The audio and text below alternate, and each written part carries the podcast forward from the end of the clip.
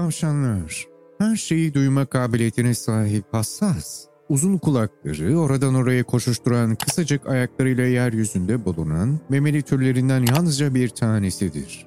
Onları sahil kenarında yaptığınız tatlı bir yürüyüş sırasında, ormanın içinde piknik yapmaya çıktığınızda veya daha iyisi arka bahçelerimizde görebiliriz.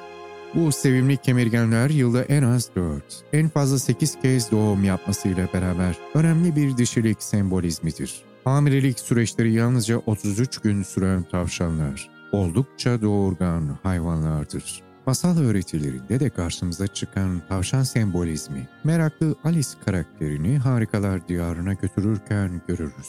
Telaşlı tavşan karakterini elindeki saatiyle yeniden hayal edebiliyor musunuz? Alice tavşanın ardından deliğe atladığında sonsuza kadar düşecek bir düşüşe başlamış oldu. Üstelik tavşan bunun farkında bile değildi. Arkasından koşturarak atlayacak kızı elbette bu ürkek canlı da tahmin edemezdi. Masal sembollerinde beyaz, kaygılı tavşanımız Alice karakterinin ruhsal uyanışına dair bir figür haline almıştır.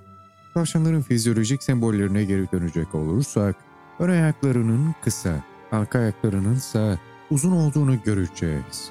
Onların fizyolojik yürüme tekniği sıçrama olarak nitelendirilir. Böylece bir olay karşısında hızlı bir sıçrayışı sembolize ediyor olabilirler. Bununla birlikte sevimli uzun kulaklarının olan biten her şeyi en ufak ses titreşimini yakalamalarını sağlar. En iyi ifadeyle algılarının tamamen açık olduğunu sembolize eden bu özelliklerin tavşanları ürkek birer hayvan figürü haline getirebilir. Antik Mısır tanrıçası Onut, tavşan başlı olarak tasvir edilirken görülür. Şaman kültürlerinde de görülür ki, ruh çağırma ritüellerinde de kullanılan ruh tavşandır. Ayrıca pek çok dini inanışta Hristiyanlık, Yahudilik, tavşan eti yemek yasaklanmıştır. Antik Yunan mitolojisinde kurnaz Hermes, aşkın temsili Afrodit ve yaramaz çocuk Eros'un hayvanı olarak bilinir. Çin mitolojisinde de Tuhu adıyla bilinen tanrının sembolik ifadesi olmakla beraber uzun yaşamın habercisi olarak inanılır.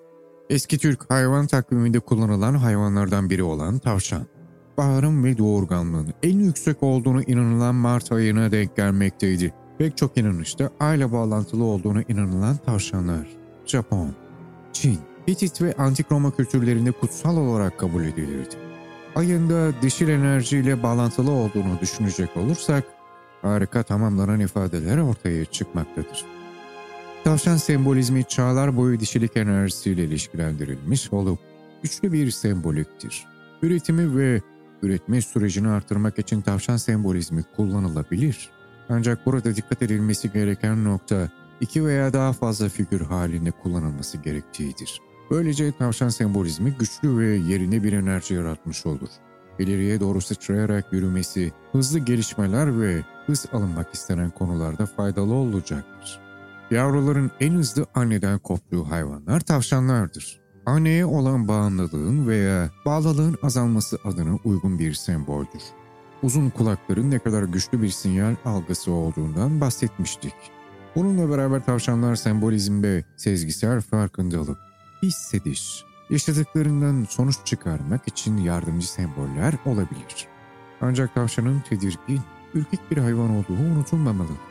Bu nedenle cesaret ya da girişimcilik konularında kullanılırken mutlaka çok ama çok dikkatli olmak gerektiğine inanıyorum.